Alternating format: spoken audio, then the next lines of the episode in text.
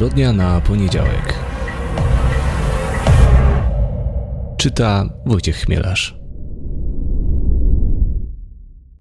Dzień dobry, tutaj Wojciech Chmielarz i zapraszam Państwa do wysłuchania kolejnego odcinka podcastu Zbrodnia na poniedziałek. Podcastu, w którym opowiadam Państwu o różnych ciekawych sprawach kryminalnych z całego świata, ze szczególnym uwzględnieniem e, tych takich bardziej egzotycznych krajów, takich krajów, które podcasterzy kryminalni true, true crime'owi odwiedzają rzadziej. No i do jednego z takich krajów, zgodnie z obietnicą, którą złożyłem Państwu w zeszłym tygodniu, się właśnie wybierzemy. E, przepraszam, dwa tygodnie temu oczywiście. E, I jest to jedna z ulubionych wakacyjnych destynacji Polaków, czyli Egipt. I opowiem Państwu o jednej z najgłośniejszych spraw kryminalnych w Egipcie ostatnich lat – sprawie, która stała się e, znana w całym świecie arabskim, e, nawet bardzo znana bym powiedział, no a sprawca stał się w pewnym sensie celebrytą. Jak to się stało, dlaczego to się stało, o tym wszystkim Państwu już e, za chwilę opowiem, ale zanim do tego przejdziemy, no to jak zawsze chciałem Państwa prosić o zainteresowanie się Fundacją Pogoń Ruska. To jest fundacja, która zajmuje się pomocą Ukrainie i Ukraińcom. Ja tam jestem w Radzie Fundacji. Chłopaki i dziewczyny, które tam pracują, robią naprawdę dobrą e, robotę. Możecie zresztą Państwo sami to sprawdzić, wchodząc na ich Facebooka, więc e, bardzo proszę po prostu zainteresujcie się tam, spójrzcie, zalajkujcie, obserwujcie, a jeśli możecie, to wspomóżcie ich zbiórkę i tutaj naprawdę nawet drobne kwoty 10-20 zł to po prostu robi w tej sytuacji różnicę, więc fundacja pogoń ruska. Natomiast jeśli chodzi o nasz kącik literacki, który dzisiaj będzie trochę większy, bo będzie kącikiem kulturalnym, e, bo sobie pomyślałem, że jak powiadam o historii, która się dzieje w Egipcie, no to warto przy okazji wspomnieć e, o filmie Chłopiec z niebios. To jest film, który w kinach był bodajże w czerwcu zeszłego roku.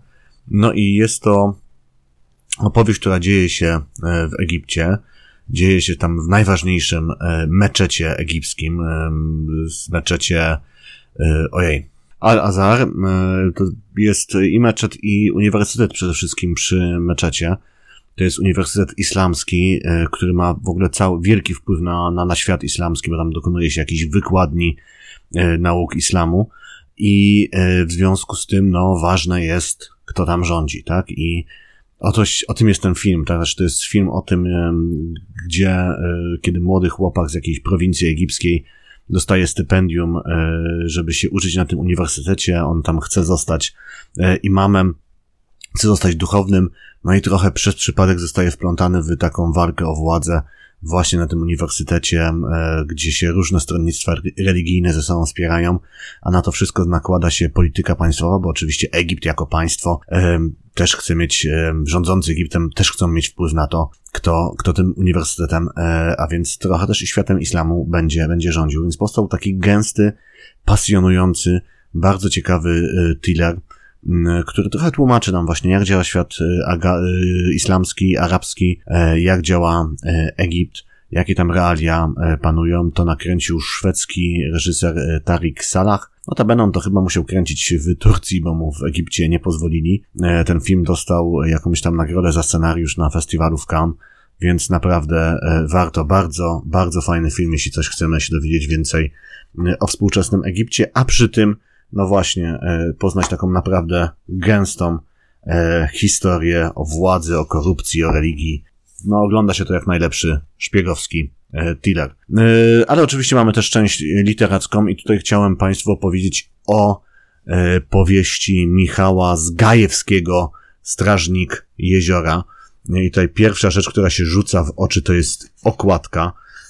Na okładce na tonie jeziora. No nie widzą Państwo tego na tonie jeziora. Jest taka czaszka. Mi się to bardzo kojarzy z taką starą okładką Wyspy Złoczyńców, czyli tego pierwszego tomu cyklu o panu samochodziku w wydaniu wydawnictwa bodajże po jeziorze, tak to się nazywało. Bardzo, tam była taka właśnie wyspa, która była stylizowana na czaszkę. Jak ktoś to widział i pamięta, to, e, to, to skojarzenie jest oczywiste.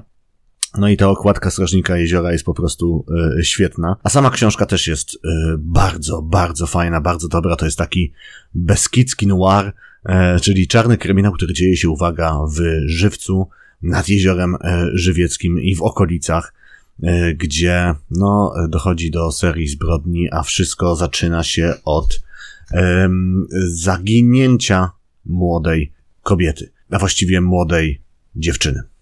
No i na prośbę jej bliskich e, śledztwo w tej sprawie prowadzi taki prywatny detektyw. No i mamy tutaj takie mocne, klasyczne, gatunkowe historie, czyli mamy prywatnego detektywa o ciętym języku i e, barwnej przeszłości, tak, gdzie w tej przeszłości różne cienie się e, czają.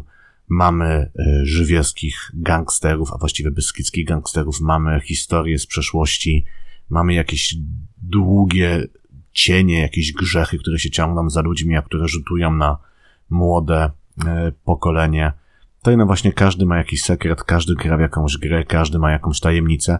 To się wszystko miesza w taką fajną, zwartą e, intrygę, no i prowadzi aż do intrygującego, e, ciekawego zakończenia. Jest to e, notabene pierwsza część cyklu kryminalnego z Norbertem e, Krzyżem. Mi się ta książka bardzo podobała, ja w ogóle lubię ten nurowy, nurowy ha, nie wiem jak to wymienić, wy, wy, wymówić jako przymiotnik, ale lubię ten klimat czarnego kryminału. No tutaj mamy bardzo fajnie go odwzorowany właśnie w tych polskich, beskidzkich, żywieckich klimatach. E, więc mówię, czytałem to z wielką przyjemnością, Państwu serdecznie e, polecam, e, bo warto, no i czekam na kolejną część.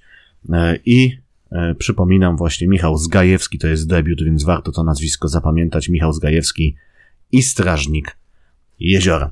Więc to była książka, którą chciałem dzisiaj Państwu polecić, e, na którą chciałem zwrócić dzisiaj Państwa uwagę. Dobrze, więc e, skoro mamy już zakończony tą, tą część kulturalną, to przejdźmy do dzisiejszej sprawy.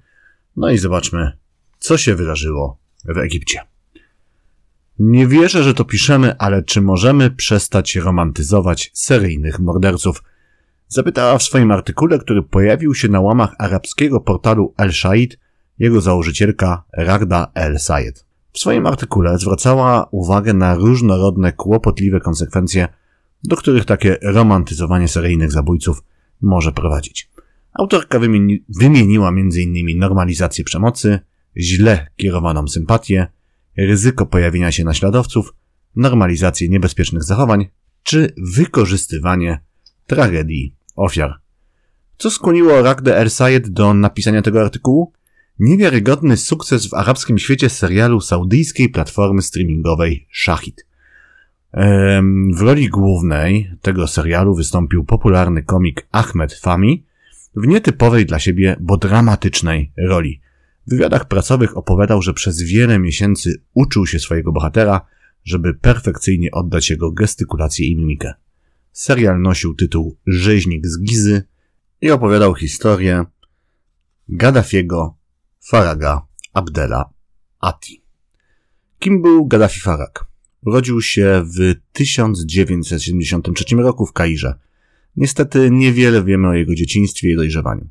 Wiemy natomiast, że studiował prawo i udało mu się nawet te studia zakończyć. Jednak nigdy nie pracował w żadnym z prawniczych zawodów. Początkowo podobno był sprzedawcą w jednym z miejscowych supermarketów. Szybko jednak zaczął robić karierę. Otworzył sieć księgarń, a także posiadał firmę produkującą zabawki dla dzieci. Był szanowanym obywatelem, mężem, ojcem piątki dzieci. Regularnie bywał w meczecie, pomagał starszym, był uważany za jeden z filarów miejscowej społeczności. Według jednych źródeł spotkali się w roku 2012, według innych byli przyjaciółmi od dziecka. Ważne jest jednak to, że tych dwóch mężczyzn połączył los i wspólne interesy. Reda Mohamed Abdel Latif był egipskim inżynierem, który pracował na stałe w Arabii Saudyjskiej. Znał Gaddafiego Faraga, był pod wrażeniem jego solidności, osobowości, no i ukończonych studiów prawniczych. Dlatego bez problemu uwierzył mu, kiedy Gaddafi powiedział, że ma dla niego świetną okazję inwestycyjną. Przez lata Reda wysłał przyjacielowi podobno aż 3 miliony funtów egipskich, co w tamtym czasie stanowiło równowartość około 1,5 miliona złotych. Problem pojawił się w kwietniu roku 2015, kiedy Reda zażądał zwrotu pieniędzy. Wrócił w tym celu do Kairu. Gaddafi przyjechał po niego na lotnisko. Przez cały, zachowywa- przez cały czas zachowywał się jak jego najlepszy przyjaciel. Zabrał inżyniera do jednego ze swoich mieszkań. Tam ugościł obiadem, po którym Reda zaczął się źle czuć.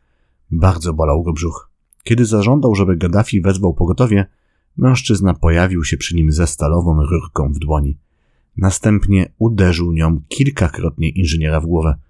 Reda umarł na miejscu. W innej części miasta, w domu kupionym przez Gaddafiego za pieniądze Redy, wynajęci robotnicy właśnie rozbijali podłogę. Gaddafi powiedział im, że szykuje remont i planuje położyć nowe rury. Kiedy opuścili nieruchomość, pojawił się w niej właściciel wraz z ciałem inżyniera.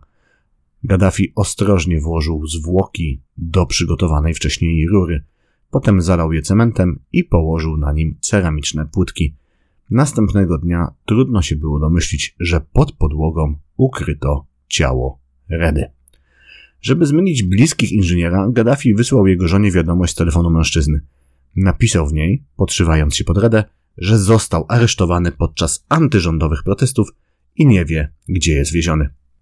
Miało to sens. Było to wiarygodne kłamstwo. Wtedy w Egipcie trwały demonstracje przeciwko prezydentowi Abdelowi el-Sisi. El-Sisi wygrał wybory prezydenckie w roku 2014, ale wcześniej dowodzony przez niego pucz wojskowy obalił prezydenta wywodzącego się z Bractwa Muzułmańskiego Muhammeda Morsiego. No i w kwietniu 2014 roku zbliżało się ogłoszenie wyroku w procesie Muhammeda Morsiego właśnie. No i były prezydent Egiptu został w nim skazany na 20 lat więzienia, no a groziła mu nawet kara śmierci. Były to więc bardzo burzliwe lata w Egipcie. Ludzie z różnych stron politycznych barykad ginęli lub znikali w niewyjaśnionych okolicznościach. Rodzina Redy wkrótce zgłosiła jego zaginięcie, nie udało im się jednak natrafić na żaden ślad bliskiego. Tymczasem Gaddafi, jak gdyby nigdy nic, dalej pracował w jednej z należących do niego księgarni. Tam spotkał Nadine El Sayed, początkującą modelkę i aktorkę, która jednak do tej pory wystąpiła zaledwie w kilku reklamówkach. Miała 20 lat, studiowała prawo. Żeby mieć się za co utrzymać, zatrudniła się właśnie u Gaddafiego. Para nawiązała romans. Gaddafi, sam już wtedy żonaty, namawiał dziewczynę, żeby za niego wyszła. Ona jednak nie chciała się na to zgodzić. Wobec tego Gaddafi postanowił ożenić się z jej siostrą, Fatimą. Nadine, jak możemy się domyślać, się to nie spodobało. Zagroziła Gaddafiemu, że opowie swojej rodzinie o ich romansie. Miała także posiadać pewną wiedzę o jego interesach, która mogła mu zagrozić. Mężczyzna postanowił więc działać. Według niektórych źródeł stworzył skomplikowany i wyrafinowany plan. Wynajął aktora, który podawał się za syryjskiego reżysera i przedstawił tegoż aktora Nadine. Aktor miał się zachwycić urodą i umiejętnościami aktorskimi dziewczyny i zaproponować jej rolę w serialu, który będzie kręcony we Francji. Rodzina Nadine początkowo nie chciała zgodzić się na jej wyjazd, jednak Gaddafi przy pomocy tegoż fałszywego reżysera skruszył ich opór. Zachwycona dziewczyna spakowała walizki i ruszyła, jak wierzyła, na przygodę życia. Czy ta historia jest prawdziwa? Nie jestem, mówiąc szczerze, do końca pewien. Faktem natomiast jest, że Nadine trafiła do jednego z mieszkań Gaddafiego. Tam mężczyzna ją udusił, następnie przeniósł ciało do nieruchomości, gdzie wcześniej ukrył ciało Redy i tam też pochował. Rodzinie dziewczyny opowiadał faktycznie, że wyjechała do Francji, gdzie pracuje jako aktorka i modelka i nie ma z nią żadnego kontaktu. Kolejną jego ofiarą była jego własna żona Fatima El Zahra. I tutaj jest ważne, żeby nie mylić Fatimy El Zahry z Fatimą El Sayed.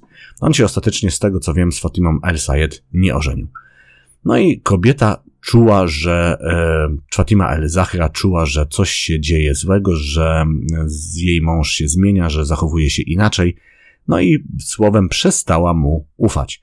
E, I dlatego ukradła, zabrała mu 400 tysięcy funtów egipskich, no czyli właśnie około 200 tysięcy złotych. Zabrała je dlatego, że chciała mieć jakieś zabezpieczenie na wypadek tego, gdyby Gaddafi zdecydował się odejść do innej kobiety. No, później jednak, kiedy ta sprawa z Nadine El Sayed i Fatimą El Sayed się zakończyła, najwyraźniej się pogodzili, e, znowu razem zamieszkali, no i Gaddafi zażądał zwrotu tych pieniędzy. Fatima jednak się nie zgodziła. No i wtedy mężczyzna wpadł w szał, rozpoczęła się kłótnia, podczas której Gaddafi kilka razy uderzył głową Fatimy o ścianę. Kobieta zmarła. Egipcjanin wpakował jej ciało do lodówki, którą potem wywiózł do swojej nieruchomości. Tam wykopał trzeci grób. Media opisujące sprawę podają dwie wersje wydarzeń. Według jednej z nich Gaddafi miał ukraść martwej żonie wszystkie pieniądze i biżuterię, jaką przy nią znalazł. Według drugiej pochował ją w tej biżuterii, co miało być symbolem tego, że akurat przy tym morderstwie motywem nie były kwestie materialne. Rodzice Fatimy zawiadomili o zaginięciu córki. Policja jednak niespecjalnie przyłożyła się do poszukiwań. Ojciec kobiety zwrócił nawet uwagę na tajemniczy brak lodówki zięcia. Ten jednak opowiedział, że dostały się do niej szczury, jakieś robactwo, no i musiał się tej lodówki pozbyć. Funkcjonariusze mu uwierzyli. Co nie zmieniało faktu, że Gaddafi poczuł, że grunt zaczyna mu się palić pod nogami. W tym momencie postanowił przejąć tożsamość Redy, który wciąż był poszukiwany przez swoją rodzinę. Podszywając się pod inżyniera, sprzedał należące do tegoż inżyniera nieruchomości, a później z pieniędzmi wyjechał do Aleksandrii. No i tam otworzył sklep z elektroniką. Do czwartego morderstwa doszło w roku 2017. Tym razem ofiarą znowu padła pracownica sklepu Gaddafiego. Nazywała się Jasmina Nas Ibrahim. Stali się parą, a Gaddafi jej się oświadczył. Kobieta zaufała mu tak bardzo, że dała mu dostęp do wszystkich swoich oszczędności, żeby je zainwestował. Mężczyźnie udało się nawet tak z nią zmanipulować i ją oszukać, że sprzedał należące do niej mieszkanie. No i w tym momencie kobieta otrzeźwiała, zaczęła się domagać zwrotu swoich oszczędności, no ale Gaddafi powiedział jej, że w tej chwili akurat nie ma gotówki, ale może jej w zamian oddać towar ze sklepu. Jasmina zgodziła się na ten układ, umówili się na spotkanie w magazynie, no i kiedy ona tam przyszła, mężczyzna ją zaatakował, zamordował, a następnie pochował w swoim sklepie. W kolejnych latach Gaddafi ożenił się jeszcze dwa razy. Jego pierwszą wybranką była farmaceutka z bogatej rodziny z Aleksandrii. Para doczekała się nawet dziecka, ale ich związek nie trwał za długo i zdecydowali się na rozwód. Gaddafi w akcie zemsty przebrał się za kobietę, włamał się do domu byłej żony. Ukradł jej pieniądze oraz złotą biżuterię. Rodzina farmaceutki podejrzewała, że to on jest odpowiedzialny za kradzież. Szukali go jednak pod imieniem Redy, a Gaddafi postanowił po raz kolejny zmienić tożsamość. W 2019 roku podawał się za inżyniera Mohameda Mustafę. Udało mu się uwieść kolejną kobietę, z którą ożenił się już w kwietniu tego samego roku. Wkrótce jednak ukradł swojej żonie całą jej biżuterię i uciekł. W rzadkich wiadomościach informował, że albo został ranny w wypadku i przebywa w szpitalu, albo że ma powikłania związane z COVID-19, no i przebywa w izolacji, nie może się kontaktować z ludźmi. W międzyczasie natomiast odwiedził jubilera, któremu chciał sprzedać skradzioną biżuterię. Z głupoty, nieuwagi albo po prostu z przypadku nie wiedział, że jubiler jest przyjacielem jego żony. Mężczyzna rozpoznał biżuterię, którą przyniósł mu Gaddafi. Wiedział także od kobiety, że została ona obrabowana. Wyznała mu ona także, że podejrzewa, że jej mąż jest oszustem. Jubiler natychmiast więc zawiadomił policję, która aresztowała Gaddafiego. W międzyczasie żona mężczyzny odkryła, że wynajmował on mieszkanie na nazwisko, na nazwisko Reda, Mohamed Abdel Latif, no i policjanci zorientowali się, że mężczyzna jest, czy znaczy policjanci nie tyle się zorientowali, czy podejrzewali, uznali, że aresztowany przez nich mężczyzna to właśnie jest zaginiony i poszukiwany przez swoich bliskich Reda. Zawiadomili więc rodzinę, że Reda się odnalazł ale kiedy jego rodzice pojawili się w Aleksandrii, mieli do powiedzenia tylko jedno. To nie jest nasz syn, to jest o jakiś oszust. No i według egipskich mediów to właśnie był ten moment, kiedy Gaddafi się załamał i zrozumiał, że tym razem nie uda mu się już uciec. Podczas długiego przesłuchania przyznał się do wszystkich zabójstw, wyznał, ukrył ciała i dokładnie opowiedział, jak doszło do morderstw. Gaddafi został postawiony przed sądem, No i przed tym sądem najpierw odwołał swoje przyznanie się do winy, twierdził, że był długotrwale przesłuchiwany, bity i torturowany, a przyznanie się zostało po prostu na nim wymuszone. Egipski sąd jednak mu nie uwierzył. Mężczyzna został skazany na karę śmierci w roku 2021. Odwołał się od tego wyroku w apelacji, która zakończyła się w styczniu 2024 roku, a więc całkiem niedawno. Kara za śmierci została jednak podtrzymana. Natomiast twórcy serialu Rzeźnik z Gizy po tym sukcesie podobno szykują się do nakręcenia drugiego sezonu. Więc yy, to jest historia, którą chciałem Państwu dzisiaj opowiedzieć. Historia Gaddafiego Faraga. Yy, no, tutaj on jest nazywany seryjnym mordercą, nie do końca wiem, czy to jest poprawne metodologicznie, czy on nie powinien być nazywany raczej wielokrotnym mordercą, ale to już może mniejsza z tym o słowa. E, są, e, no, jest to historia zabójcy e, z oportunistycznego, tak, który zabijał nie z pobudek seksualnych, ale materialnych. Właściwie trudno powiedzieć, dlaczego on zaczął zabijać, tak? Co się stało, że ten szanowany Egipcjanin, mąż, ojciec piątki dzieci, nagle postanowił zabić człowieka, wejść najpierw na drogę oszustwa, Niestety tutaj te źródła egipskie, arabskie są dosyć e, małe, brakuje mi takiego pogłębionego jakiegoś portretu tego człowieka, można tylko spekulować, no, że najprawdopodobniej od początku budował swoją e, pozycję na oszustwie, no i w tym momencie, kiedy mu się zaczął palić grunt pod nogami, no to okazało się, że jedynym wyjściem dla niego jest zabójstwo, a w pewnym momencie uznał, że zabójstwo jest też wyjściem najłatwiejszym. No widać tam mieliśmy to pierwsze zabójstwo, gdzie padł ofiarą jego przyjaciel z dzieciństwa, Reda, pod którego on się potem podszywał. On zresztą miał wielokrotnie zmieniać e, tożsamość. Jest też taka teoria, że jego żona e, Fatima, która została zabita, no straciła do niego zaufanie także dlatego, że odkryła gdzieś tam w domu po prostu fałszywe dowody tożsamości i się przestraszyła, że jej mąż jest przestępcą. E, I mm, więc zmieniał wiele razy, wiele razy tożsamość. Ok, pierwszą ofiarą był mężczyzna, był Reda, no a potem miał ten swój modus operandi, gdzie znajdował kobiety, rozkokiwał je w sobie, no i potem kradł je pieniądze, a kiedy, nie wiem, te kobiety za bardzo go naciskały, kiedy mu zagrażały, to je y, zabijał. Mm, ma, z tego co wiemy, cztery ofiary na koncie. Te dwie ostatnie kobiety, które obrabował, i które stały się jego żonami też, tak, to śmierci uniknęły jakimś cudem. E, ciekawe dlaczego. E, no ale takie, takie, są, takie są fakty. No, są to, to jest taka historia, która się, takie historie, które się niestety zdarzają, tak, mężczyzn, którzy rozkochują w sobie kobiety, potem je okradają i czasami zabijają. Nawet w Polsce niedawno była taka sprawa, takiego jakiegoś krwawego tulipana, się, taki miał chyba przydomek z koło brzegu. E, sprawa dosyć mało znana, a niedawno się zakończyła, bardzo ciekawa i chyba Katarzyna Bonda o tym napisała książkę. Tej książki jeszcze nie znam, nie czytałem, natomiast o sprawie słyszałem e, przy okazji swojej wizyty w koło brzegu na spotkaniu autorskim, więc taka historia w Polsce też się wydarzyła, no i e, no pewnie trzeba sięgnąć po książkę Katarzyny Bondy, żeby więcej się o niej dowiedzieć. E, dobrze, więc to była dzisiejsza historia. Mam nadzieję, że wydała się ona Państwu ciekawa.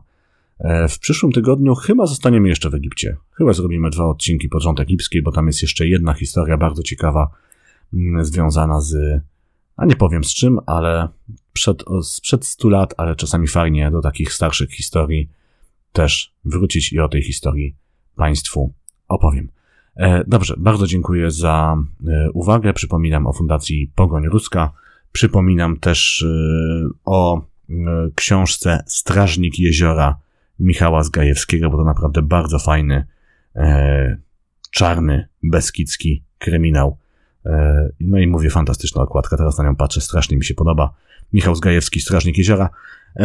Ja się już z Państwem żegnam. To była zbrodnia na poniedziałek. Bardzo dziękuję za Państwa uwagę. Życzę miłego tygodnia. Pozdrawiam. Wojciech Chmielarz.